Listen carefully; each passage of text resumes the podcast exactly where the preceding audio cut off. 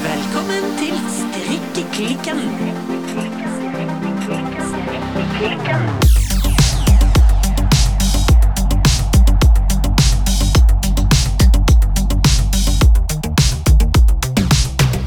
Hei, Birte. Hei Silje. Birte, Ja, hva strikker du i dag? jeg strikker på det samme som i forrige uke. Ok, Jeg strikker på min sweater nummer én ja. av My Favorite Things Knitwear. Ja. Den har jeg strikka før, men nå strikker jeg den i to tråder soft silk mohair fra Knitting for Olive Å ja, i fargen lakris. Det vil si svart. svart. Men lakris er jo et mye flottere navn enn Ja. svart. Det er jo det.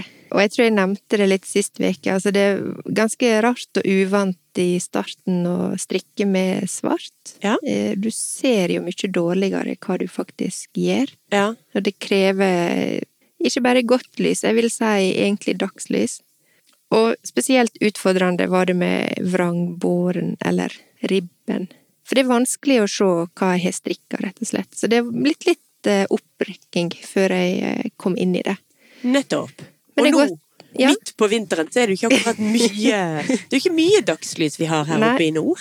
Det er ikke det, men egentlig et ganske fint prosjekt for meg, for jeg må, jeg må eh, sette bånd på meg med strikkinga. Jeg kan ikke strikke for mye, for da kommer disse her eh, albuene mine. Så Nettopp. det er egentlig fint at det er litt eh, fysiske begrensninger, rett og slett. Men nå har jeg kommet meg forbi eh, Ragland-partiet, så nå er jeg i flytsona på Bolen. Ja. Em, og der blir jeg fram til jeg skal begynne å kløne med ribben igjen på et eller annet tidspunkt. og hvis du vurderer å strikke noe i svart, Ja. så ja, det er annerledes og mer utfordrende, men er det verdt det? Absolutt, syns jeg. Ok. Jeg kan absolutt anbefale det.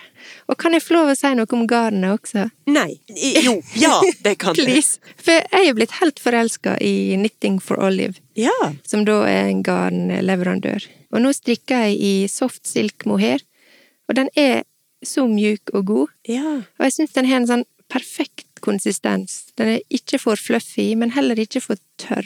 Så den har fast, eh, virkelig gitt meg fot på å prøve flere garntyper fra Knitting for Olive. Ja.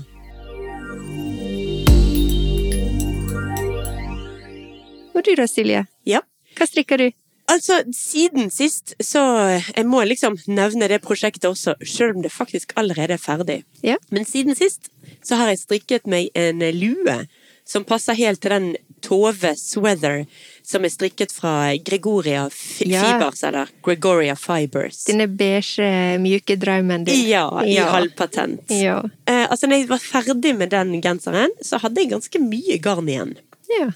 Og dette er jo da strikket i sånn eh, tynn silk mohair fra Sandnes garn. Det er ikke, det er ikke akkurat et det- altså Garnet er såpass dyrt at du lar det ikke bare ligge og bli til eh, Du lar så- ikke robotstøvsugeren eh, hive seg over den? Nei, Dette er, det, det er for dyrt for å være mat for en robotstøvsuger. Så da, da eh, begynte jeg egentlig bare å strikke en lue helt uten oppskrift eller noen ting. Eh, Ja. Bare i samme halvpatent, da altså i tre trippel eh, tråd med tynn silk mohair. Mm. Og har strikket med den og er veldig fornøyd. Og har, Ja. kan jo da skryte på meg nå å ha et sett jeg kan bruke midt på vinteren. Klar for vinteren. Det er det jeg er, vet du. Så nå er det altså den ferdig, og da har jeg begynt på denne her Louisiana-genseren fra Petit Knit, som Ja. jeg liker å utkall- uttale det. Den er jo da til datteren min, fordi datteren din har jo allerede fått en sånn genser, og da ville jo min datter også ha en sånn. Selvfølgelig. Og der eh, følger jeg faktisk oppskriften og strikker den i børstet alpakka fra Sandnes garn. Mm. Det eneste jeg gjør annerledes enn med oppskriften, er at jeg strikker den på pinne åtte. Ikke Ja. pinne ni, sånn som oppskriften sier at du skal bytte til når du er ferdig med halsen. Den strikkes da ovenifra og ned. Ja. ja. Men det er jo ikke noe bedre grunn til at jeg strikker den i åtte istedenfor ni, enn at jeg fant ikke pinne ni akkurat da. Du er så crazy og Man eksperimenterende. tager hva man haver. Ja. Men jeg må også si at altså, du, Bjarte, har jo slitt med disse her vonde strikkearmene dine. ja. Og jeg begynner å skjønne hvorfor. Du må jo ikke strikke med så tjukke pinner. Nei. Det er rett og slett mye tyngre og verre. Jeg får jo aldri vondt eh, i hendene av å strikke, men i går når jeg satt og strikket, så kjente jeg det faktisk for første gang på flere år. Så kjente jeg det litt i hendene, altså. Er det sant? Ja, og da tenkte jeg bare selvfølgelig, dette må jeg jo si til Birte, at hun må jo slutte med de her tjukke pinnene. Jo, men jeg har ikke strikka så mye tjukke pinner. Men ja, jeg har også fått den advarselen at eh, mange syns det er tyngre å strikke med tjukke pinner. Det er det, altså. Jeg lurer meg på om jeg skal innføre en slags maksgrense for meg sjøl. At Ja. aldri tjukkere enn pinne nummer seks, liksom. Men det går jo fort da, når du strikker på tjukk pinne, så du kan jo kanskje strikke litt mindre per dag. Jo, men det er jo ikke som om jeg har det så himla travelt når jeg strikker. Jeg vil jo strikke. Ja. Så får det heller ta lang tid. Så den nye genseren, da, den Louisiana fra Petit Nytt, den strikker jeg i to tråder, da, altså børstet alpakka. Lysblå og lysgrå. Mm. Ja, hvis jeg skal være helt pedant, så er det da farge 6220 og 1042. ja. Det går veldig fort. Ja. Det er veldig enkelt. Men altså, jeg syns det er litt tungt for henne. Ja.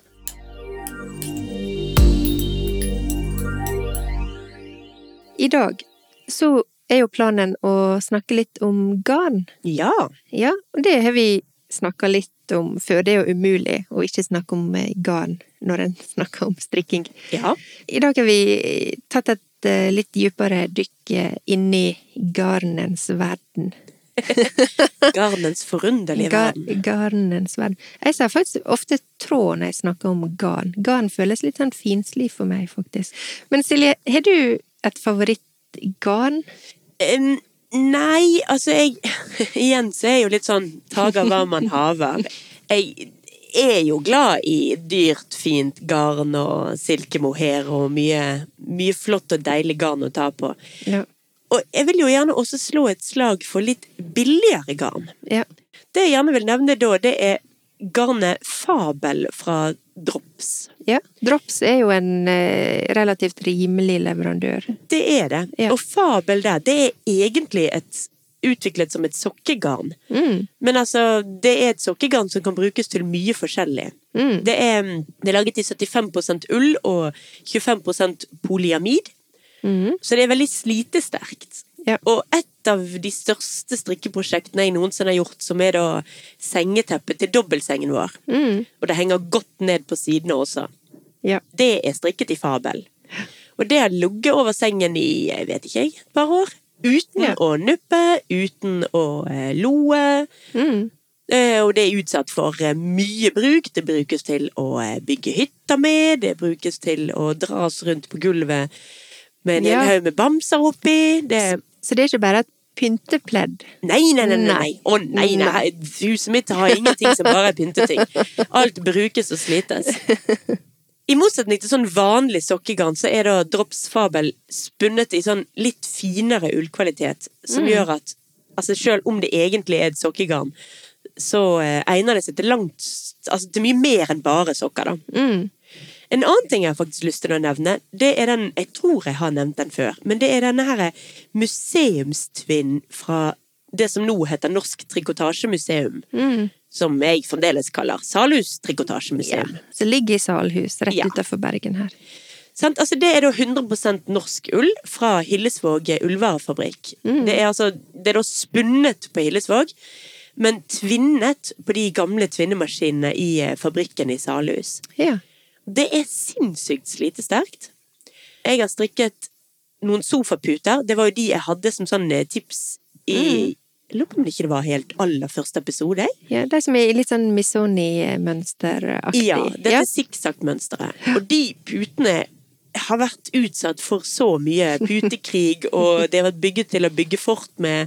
Og ikke minst, de brukes jo daglig til at jeg skal ta meg en god sofalure på dem.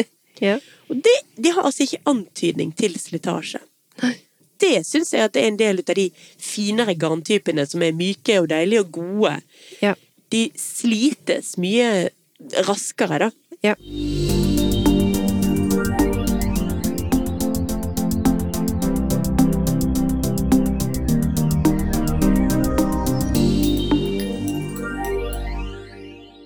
Men jeg må spørre deg, Silje. Har du et garnlager? Ja, Ja? ja, ja. ja. Ikke bare ett. Nei? Jeg har flere. Jeg finner støtt og stadig en skuffe med et eller annet eh, restelager eller et påbegynt prosjekt som aldri ble noe av. Der finnes det veldig mye rart i skuffer og skap, ja. Ja, men er du sånn at du egentlig kjøper inn garn til altså spesifikke ting som du veit at du skal strikke, eller kjøper du det inn, og så har du det liggende, sånn at du kan liksom begynne på det når, eh, når tida er inne? Ja og nei. Ja. Altså Noen ganger kjøper jeg jo inn Jeg har en oppskrift. Jeg trenger sånn og så mange antall bunter og slik og slik. Mm. Og så er det rein motorvei. Andre ganger ender jeg opp med å kjøpe noe helt annet enn det jeg skulle kjøpe. Rett og slett fordi jeg liker fargen, eller det er et garn som snakker Ja. til meg i garnbutikken. Så da sparer du det til en rainy day? Jepp. Nei, for jeg, jeg så på Jeg var ikke helt klar over det her med sånn garnlager. For at jeg så på Plutselig kom jeg inn på en stories på Instagram der det var ei som viste fram sitt garnlager. Ja. Og det var voldsomme greier. Hun hadde liksom flere kommoder med skuffene fulle av garn Ja. til u- ulike Jeg tenker litt sånn Strikker en så masse? Eller det var jo sikkert garn for tusenvis av kroner der ja. meg og mer og mer og mer. Så jeg har vært litt sånn hm, er det noe å ha? Jeg er jo, føler jo meg litt sånn god hvis jeg har et sånt halvt prosjekt liggende og venter. Eh, Jeg er sånn som kjøper inn liksom til prosjekt for prosjekt. Du er mer fornuftig der, ja. Foreløpig, i hvert fall. Ja, nei, jeg er nok sånn som finner mye rart i skuffer og skap når det gjelder eh, garntyper og prosjekter, og eh, jeg er nok litt mindre strukturert også der, ja. Ja.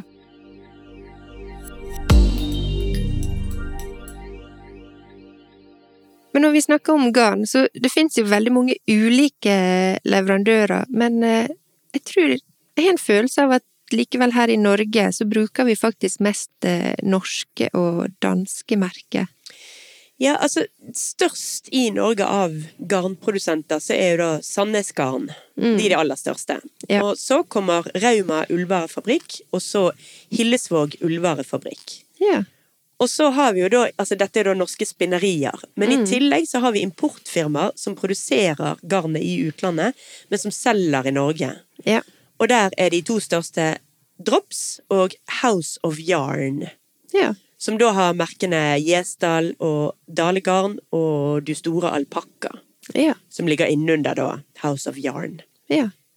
Ja, for at det er i hvert fall mitt soleklare inntrykk. eh, For du har, som du sier, store leverandører, sånn som Sandnes Garn, Drops. Filcolana er jo dansk. Ja. Raumagarn, Vikingarn, Isager, som er også dansk. Og så har jo du sånn som eh, Hillesvåg eh, ullvarefabrikk, som produserer garn fra bunnen av og på gamlemåten. Mm. Men den ligger faktisk bare en halvtimes kjøretur eh, her fra Bergen. Ja. Og de gir faktisk eh, omvisning på fabrikken. Dit skal vi. Vi skal så besøke deg. Absolutt. Åh, det gleder jeg meg til. Vi må til Hillesvåg fabrikker. Ja, altså Hillesvåg spinner fra bunnen av, men de bruker også veldig sånn ekte norsk saueull, Mm. som er ganske grovt. Ja. Sånn at de har veldig gamle maskiner som er helt tilbake fra 1890-tallet, og det er nok en av hemmelighetene for at deres maskiner takler denne her grovere ursauene sin ull. For det er rett og slett ikke alle moderne spinnemaskiner som takler den grovere og mer eh, holdbare ull. Ja. Men i tillegg til disse leverandørene, så finnes det også en del eh, såkalte sånn mikroprodusenter og spinneri. Faktisk ganske Absolutt. masse. Og jeg ser jo at en del butikker har ganske stort utvalg. Både i de store leverandørene, men også i de litt mindre. Så de i butikken blir jo kjempeglade hvis en eh, spør om eh, noe som ikke er denne her vanlige eh, pakken. Type Sandnes Garn, eh, Drops, eh, Filcolana. Det som vi gjerne tyr til når vi skal strikke og kommer inn i en butikk.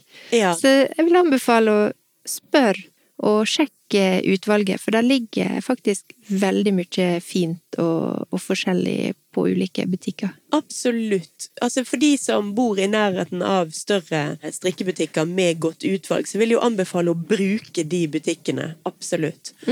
Og for de som bor på mindre steder, så vil jeg jo anbefale å gå og bruke internett, og ikke bare bestille de helt vanligste merkene. Ta noen sjanser på en tullebunt av noe du aldri har eh, prøvd før.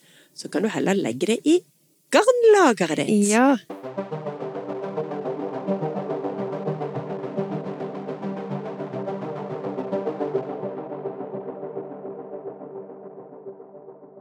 Men det fins også forskjellige kombinasjoner av eh, garn. Ja. Og jeg merker at eh, for min del jeg liker veldig godt å strikke med for eksempel én tråd merino og én tråd mohair. Det er en kombinasjon som jeg, eh, som jeg har likt godt. Det er godt å strikke, og det ser fint og jevnt ut. Men jeg må presisere at jeg har jo fortsatt ikke drista meg på noe sånn mønster, eh, og, mønster eller strukturstrikk, strengt tatt. Men på glattstrikk så syns jeg at dette er en veldig fin kombinasjon. Men hva er egentlig merino, og hva er egentlig mohair? Er begge deler fra sau? Merino er fra sau, Ja. og mohair det er fra ei geit, angorageit. Ja. Ja.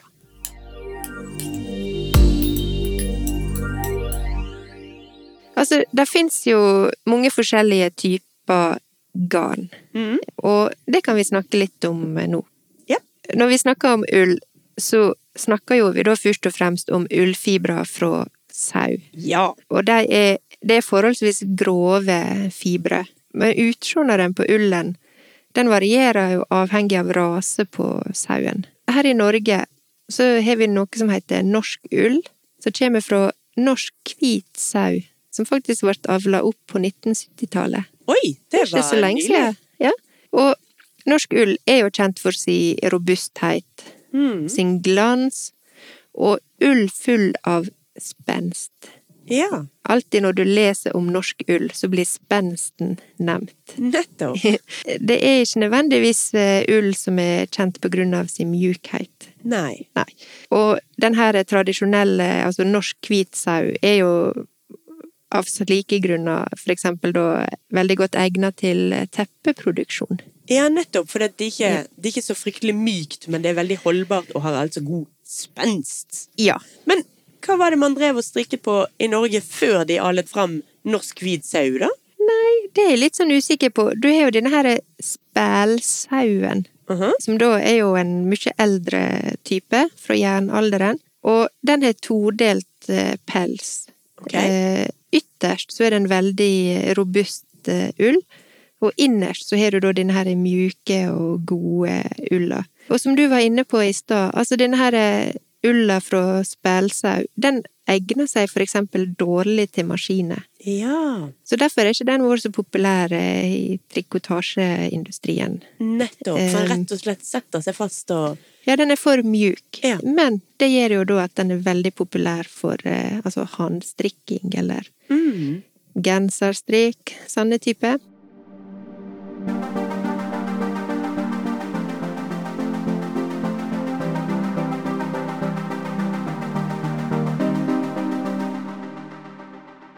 I dag så har vi også noe som heter norsk eh, pelssau Ok. og lammeull fra villsau. Det er ikke veldig mye, men det fins, og det er jo produsenter som eh, spesialiserer seg på ull fra sau. Ja. Ofte så er jo ullen vi får i Norge i dag, et biprodukt, fordi at sauen er først og fremst kjøttprodusent. Ja. Ja. Først mat, så Først klær. mat. Og når vi snakker om ull fra sau, så er jo det merinosauen som blir ansett som den flotteste ullen. Ja. Den er både mjuk, og han krøller seg pent. Og merino er rett og slett bare navnet på en sauerase, sant? Ja, sau, type sau. Ja. Merinogarn eh, det har sitt eh, opphav fra eh, Spania, Mhm. og helt ifra 1100-tallet så har bøndene i denne regionen systematisk drevet med oppdrett av eh, merinosau, på grunn av eh, ullen som da har vært i en sånn overlegen eh, kvalitet. Nettopp i motsetning til i Norge, hvor vi da fokuserer mest på kjøttet som Mhm. eh, sauene produserer, så har de fokusert mer på ullen. Ja. Og de avler fram, på en måte perfeksjonert eh, denne rasen, sånn at den skal bli stor og ha mest mulig ull Nettopp. per dyr. Ja. Og tidligere så var faktisk eh, merinogarn og ull en av Spania sine største eksportvarer. Oi. Og Spania de hadde faktisk monopol på handel med merinoull Nettopp. på 1400-1500-tallet, så det er jo litt eh, interessant. Nettopp. Ja.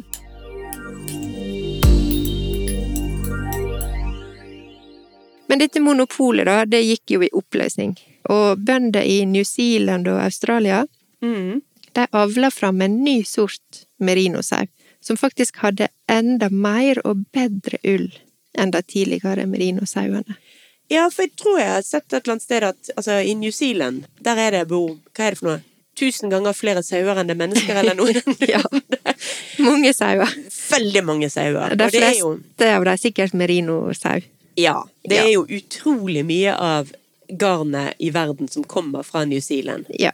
Altså, I dag så kommer merinoulen først og fremst fra New Zealand og Australia, Mm. men eh, for eksempel Sandnesgarn de spinner merinogarn her i Norge med ull fra Sør-Amerika, Å for ja. eksempel.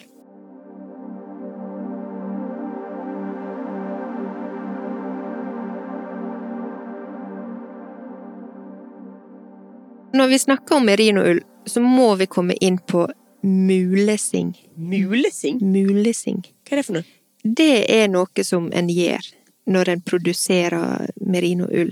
Det er rett og slett kirurgisk fjerning av hudstykket rundt sauens haleparti. Altså en skjærer av ganske store kjøttstykker av sauen.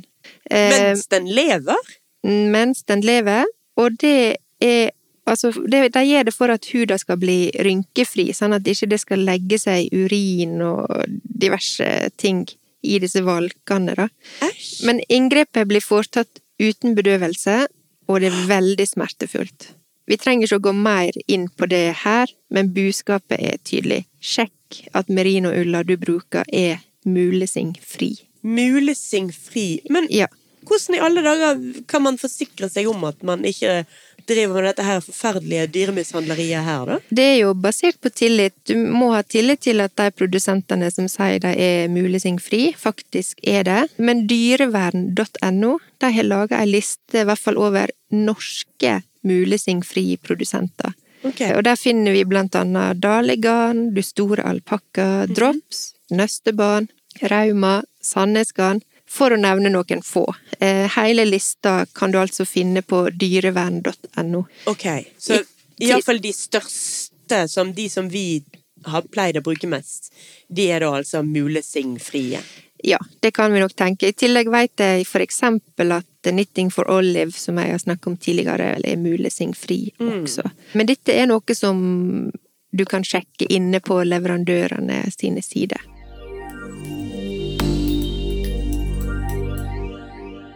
Altså dessverre så finnes det ingen eh, merkeordning for å vise lokale norskproduserte strikkevarer eller strikkegarn i Norge.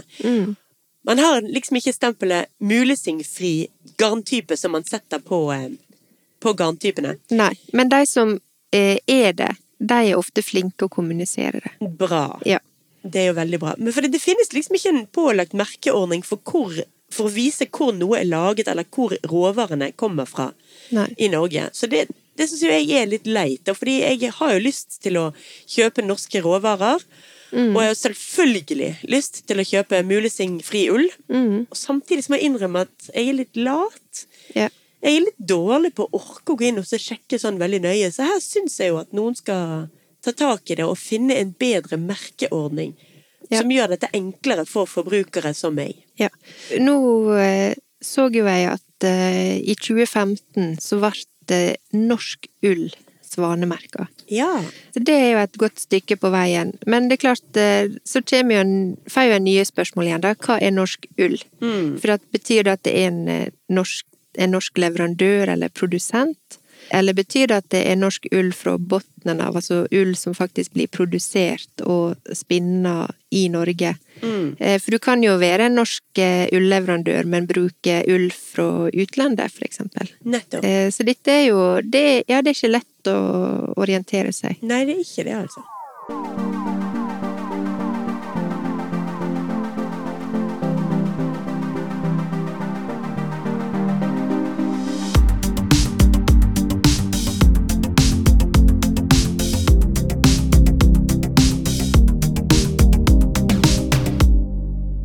Men i tillegg til eh, ullgarn, så har vi jo den andre store hiten, nemlig alpakka.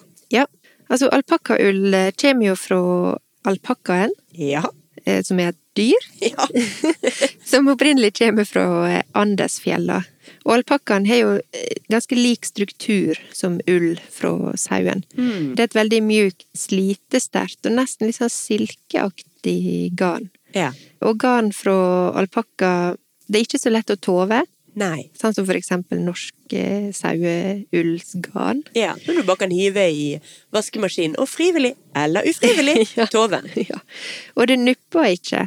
Og det kan være, altså avhengig av hvordan det er spunnet, så kan det være både lett eh, og tungt. Mm. Og alpakkaen har jo blitt veldig populær Ja. eh, siste tida, og det er jo på grunn av at det er mjukt, relativt eh, kløfritt. Mm. Og en ting som er litt greit å være obs på, er jo at alpakkaen har ikke lanolin i seg. Nei. Og lanolin det er jo et sånt naturlig fettstoff som er på ull, Ja. altså ø, saueull. Ja. Men denne lanolinen, hvis du er for eksempel er mm, allergiker, så er det lanolinen som gjør at ulla klør. Nettopp. Sånn at det kan være greit å vite at eh, hvis en har et problem med ullkløe, Ja. og hvis du i tillegg kanskje er allergiker, sånn at det er faktisk reelt at det klør, Ja. så kan en vite at det finnes garntyper som da er lanolinfri, og som da ikke klør. Nettopp. Ja.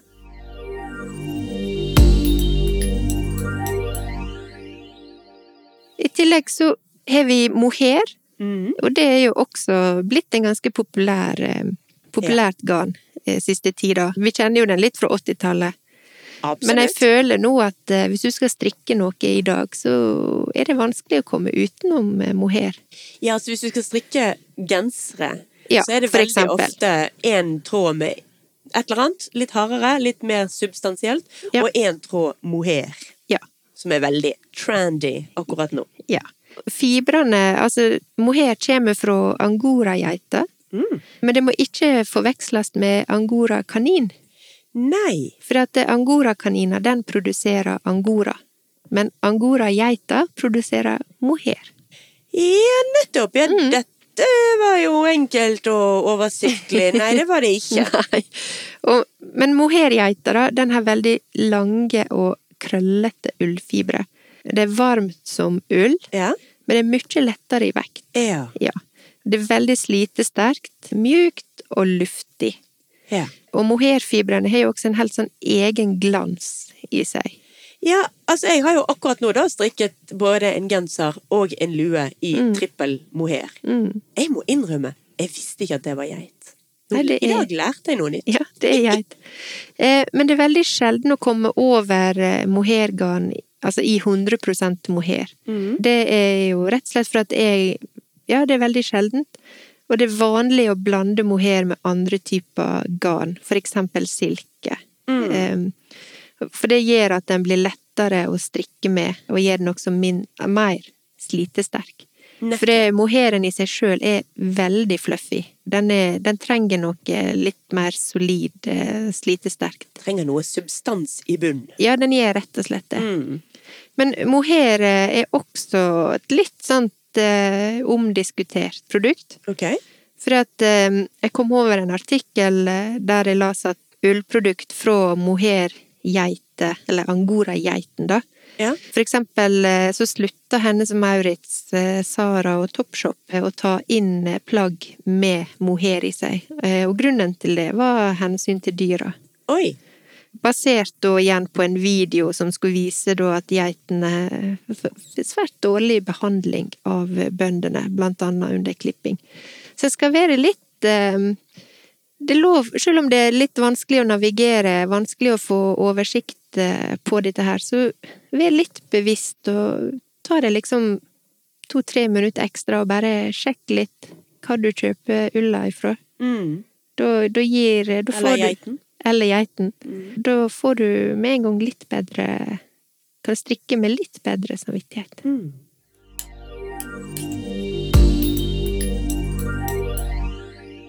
Og så kommer jo vi til eh, min favorittgarn, Ok. eller tråd. Det må jeg si, det er jo kasjmir. Ok. I love it. jeg sitter her i en eh, ja, kanskje ikke fineste kasjmirgenseren i dag. Den er ikke strikka sjøl, men det er så mjukt og godt og varmt. Ja. Ja. Men kasjmir eh, er jo disse fine fibrene som vokser som underpels blant en type geiter. Og det er faktisk ei geit som heter capra. Kapra. Det er veldig mange som tror at det er kasjmirgeit, men det stemmer faktisk ikke. Det var nytt for meg. Nei, kapra heter den egentlig. Den eh, Capra. geiten som produserer kasjmirull, altså. Og den lever naturlig eller er avla for store høgder i noen av verden sine kaldeste regioner. Jeg vil jo tro den kommer kanskje fra, jeg vet ikke, Kashmir? Ja, men ikke bare. 70 av kasjmiren i dag er faktisk produsert i Kina. Nettopp. Så den kommer fra litt forskjell, forskjellige plasser. Og det finnes faktisk ikke da en spesiell kasjmirproduserende geit i verden. For det er mange som tror at eh, kasjmirull da kommer fra denne geiterasa som en kaller kasjmirgeit. Som altså egentlig heter kapra. Men kasjmirull kan komme fra ulike geiteraser. Ja. For det har noe med hvordan de er avla fram for spesielle klimaforhold. Og det er det som gir ulla, og det er derfor en gjerne kan kalle det kasjmirgeit. Det er rett og slett geiter som fryser og derfor får ekstra tjukk pels. Det kan virke sånn. Så hvis du tar en helt vanlig geit og putter den inn i en fryseboks, så får du en kasjmirgeit om en stund. Kanskje. Kasjmirulla, den ble også kalt for dunull. Dunull. Dunull.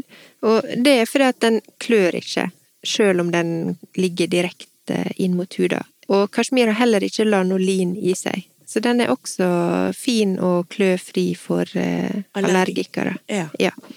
Men kasjmir er dyrt. nettopp. Jeg vil anslå ca. to-tre ganger dyrere enn for eksempel mohair. Og mohair er også litt dyrere. Du har ikke lyst til å, altså, du har ikke lyst til å fucke til eh, en genser med kasjmirgarn, for å si det sånn. Til det Nei. er det altfor dyrt. Men jeg må innrømme at jeg har researcha den litt eh, på eh, kasjmir, både tråd og eh, gensere. Så på et eller annet tidspunkt så kommer det til å komme på pinnene mine. Oi, det blir spennende. Ja.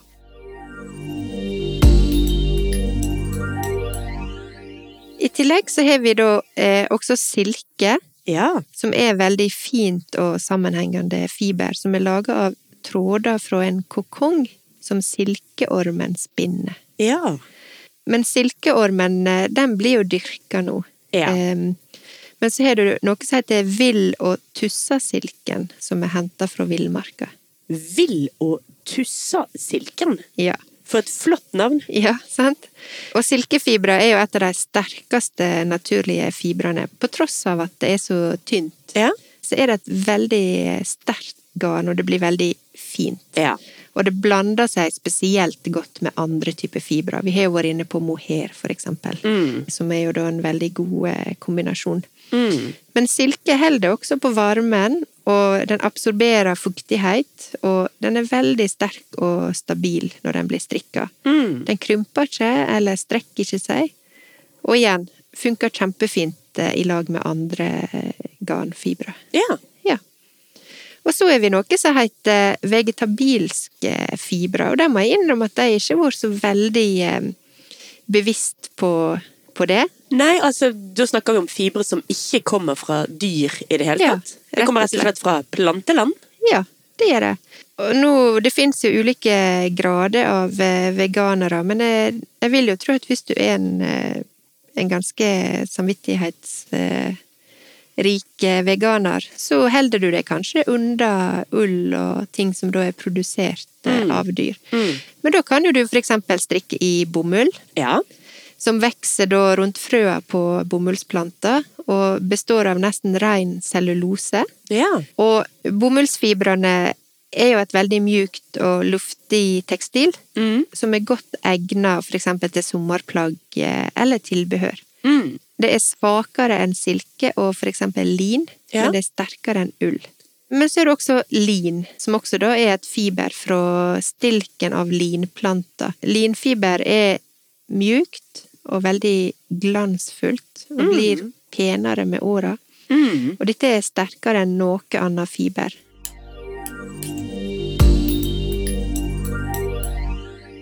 Men det var egentlig det som jeg hadde å dele om eh, garn eh, i denne omgang. Ja. Dette er jo en kontinuerlig eh, samtale Et kontinuerlig samtaletema. Det er det. Vi er ikke ferdig med å snakke om garn.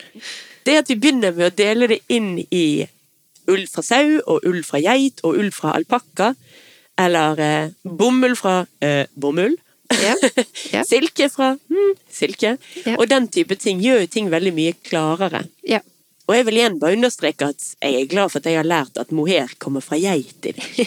ja, sant. Nei, det var jeg virkelig ikke klar over i det hele tatt. Som i tillegg heter angora, så da er jo forvirringa komplett. Ja, for jeg har liksom fått med meg at angora, som i kaninangora, skal man ikke bruke, for det er dyrevelferdsslemt. Ja. Men geiteangora blir altså merino, og det er innenfor kanskje. Ikke merino, det blir mohair. Beklager, det blir mohair. For Ja. merino var søye- sauetypen som var fra Spania, men som ble stor på New Zealand. Yes. Yes. Ja. Got it. Du skjønte.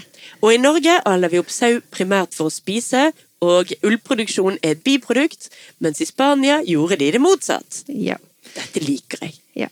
Men eh, du har jo fått med deg absolutt det viktigste og mer enn som så. Ja, men det var rett og slett fordi du forklarte det veldig tydelig og oversiktlig. Tusen takk for det. Ja, det var bare kjekt. Innledningsvis så var jo vi inne på det med polyamid og nylon. Altså, Også kjent som plastikk. Ja, for eksempel. Og en er jo ofte opptatt av at det skal være 100 ull, Ja. men det er jo ikke alltid det er sånn Nei. i eh, virkeligheten. Nei. Og eh, som vi var inne på i forhold til pris, så er jo det ingen tvil om at eh, en del eh, garntyper er blanda inn med polyamid eller nylon, og dette påvirker jo helst prisen også. ja. Men jeg- jeg vil si at eh, det er ikke bare på grunn av eh, at det skal bli billig at en bruker disse typer fibre inn i garn. Det kan ha en funksjon også, for at eh, disse fibrene gjør at du får et mer slitesterkt garn. Nettopp. For eksempel når du skal strikke, da, om det er pledd eller eh, sokker. Ja. Det kan også gi mindre nupping, for eksempel. Ja. Så for eksempel når en strikker strømpe eller eh, pledd, så kan det være anbefalt å bruke garn med litt eh, polyamid i. Ja. Eh, så det er ikke nødvendigvis bare eh, feil eller eh, dumt å bruke polyamid, men jeg vil påstå når du strikker gensere eller sånne type ting, så er det nok sikkert eh, kjekt å bruke 100 garn. Mm. Men du har for eksempel sånne ga- blandingstyper, sånn som Drops Air og Sandnes Kos, som er det som vi kan kalle sånn airblown Mm. jarn. Der er det ofte en, en del eh, polyamid i, for eksempel. Jeg nevnte jo innledningsvis også dette her er fabel fra Drops, som jeg Ja. har strikket det store teppet i. Det er da, der er det 25 polyamid. Ja. Da blir det et veldig slitesterkt garn som funker til mye. Men Ja. disse her er garntypene som inneholder litt plastikk, eller Mm. polyamid, eller hva det nå skal være. Kommer det ikke da sånn mikroplast ut fra det når man vasker de? Jo, det er jo det som er fara, og som en eh, er blitt mer eh, bevisst på siste året. At det handler jo ikke bare om eh, hva du vil ha inn til kroppen, og Nei. hva som kjennes mjukt og godt ut, men eh, der er jo et eh, miljøaspekt i det også. Så miljømessig, bruk renest mulig kvaliteter, men vær litt obs på at eh, av og til kan en trenge noe ekstra for slite, slitestyrken. Mm. Nettopp. sant? Som i Dess- seg sjøl kan være mer miljøvennlig på sitt nivå. Nettopp. sant? Ja. Dessverre ikke det er så enkelt som at eh, her er svaret med to streker under. Det kan være litt fram og tilbake. Det er hensyn å ta uansett. Ja.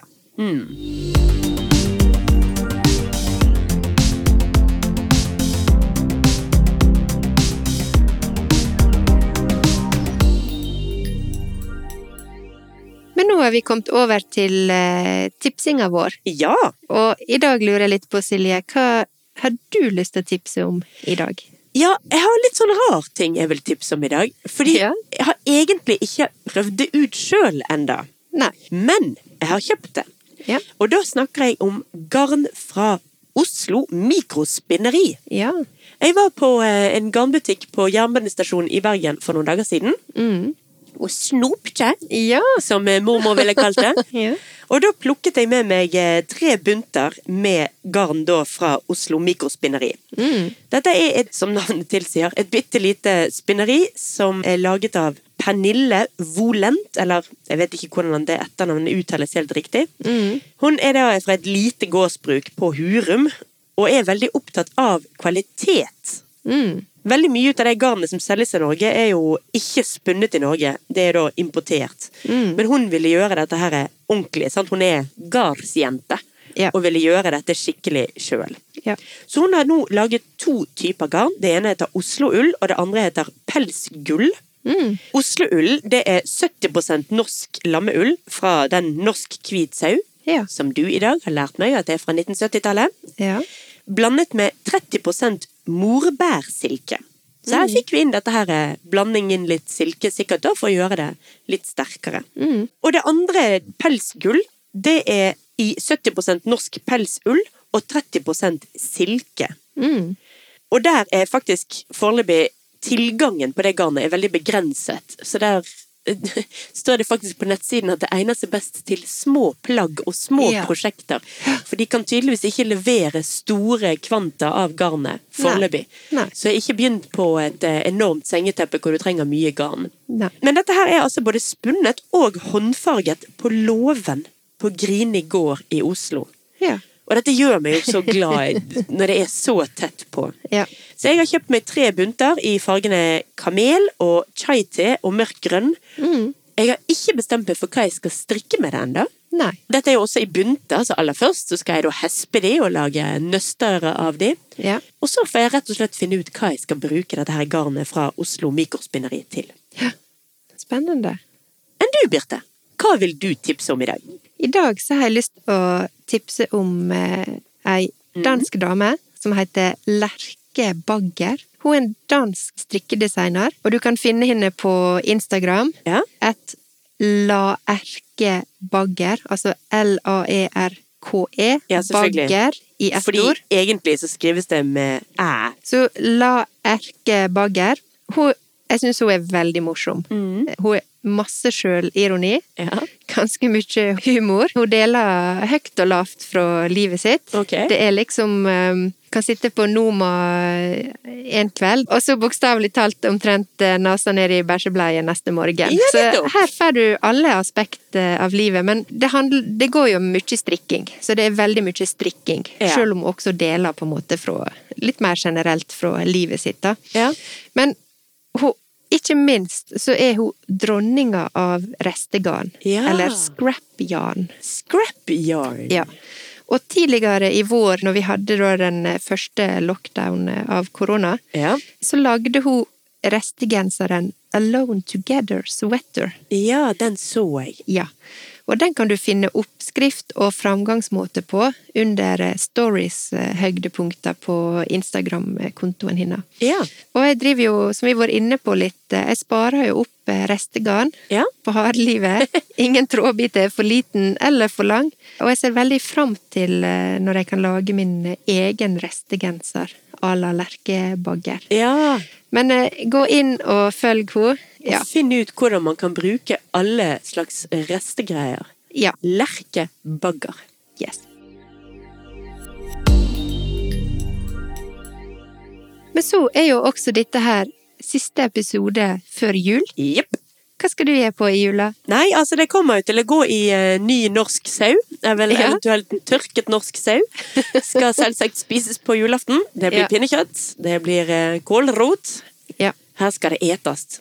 Og eh, rett og slett julefredes. ja. Og selvfølgelig strikkes. Ja. For du, du tar den rekkefølgen at for å sikre norsk garnproduksjon, så skal du spise masse sau først, sånn at vi får masse garn. Ja. Ja. Du tar ansvar. Etesauen, strikkepelsen. Mhm. Enn du, Birte? Skal du strikke deg noen julekuler? Nei, jeg føler liksom ikke at jeg er såpass erfaren strikker ennå at jeg er kommet til julekulene ennå. Det blir ikke noe Arne og Carlos jul på deg? Nei, ikke i år. Kanskje neste år. Vi får se. Men eh, uansett hva som skjer, jeg skal strikke. Ja. Det er liksom det eneste jeg veit, og det er nok for meg. Vi burde jo kanskje si også at vi kommer tilbake igjen i romjulen med en aldri så liten strikkeklikken romjulspesial. Ja, det, Det gjør gjør vi. Det blir en liten julepod i romjula. Det blir nok det. Og frem til det så har jeg bare lyst til å si riktig god jul til Ja. alle sammen. Det vil jeg også si. God jul, og ha ei rolig førjulstid. Og husk å ha noe å strikke på.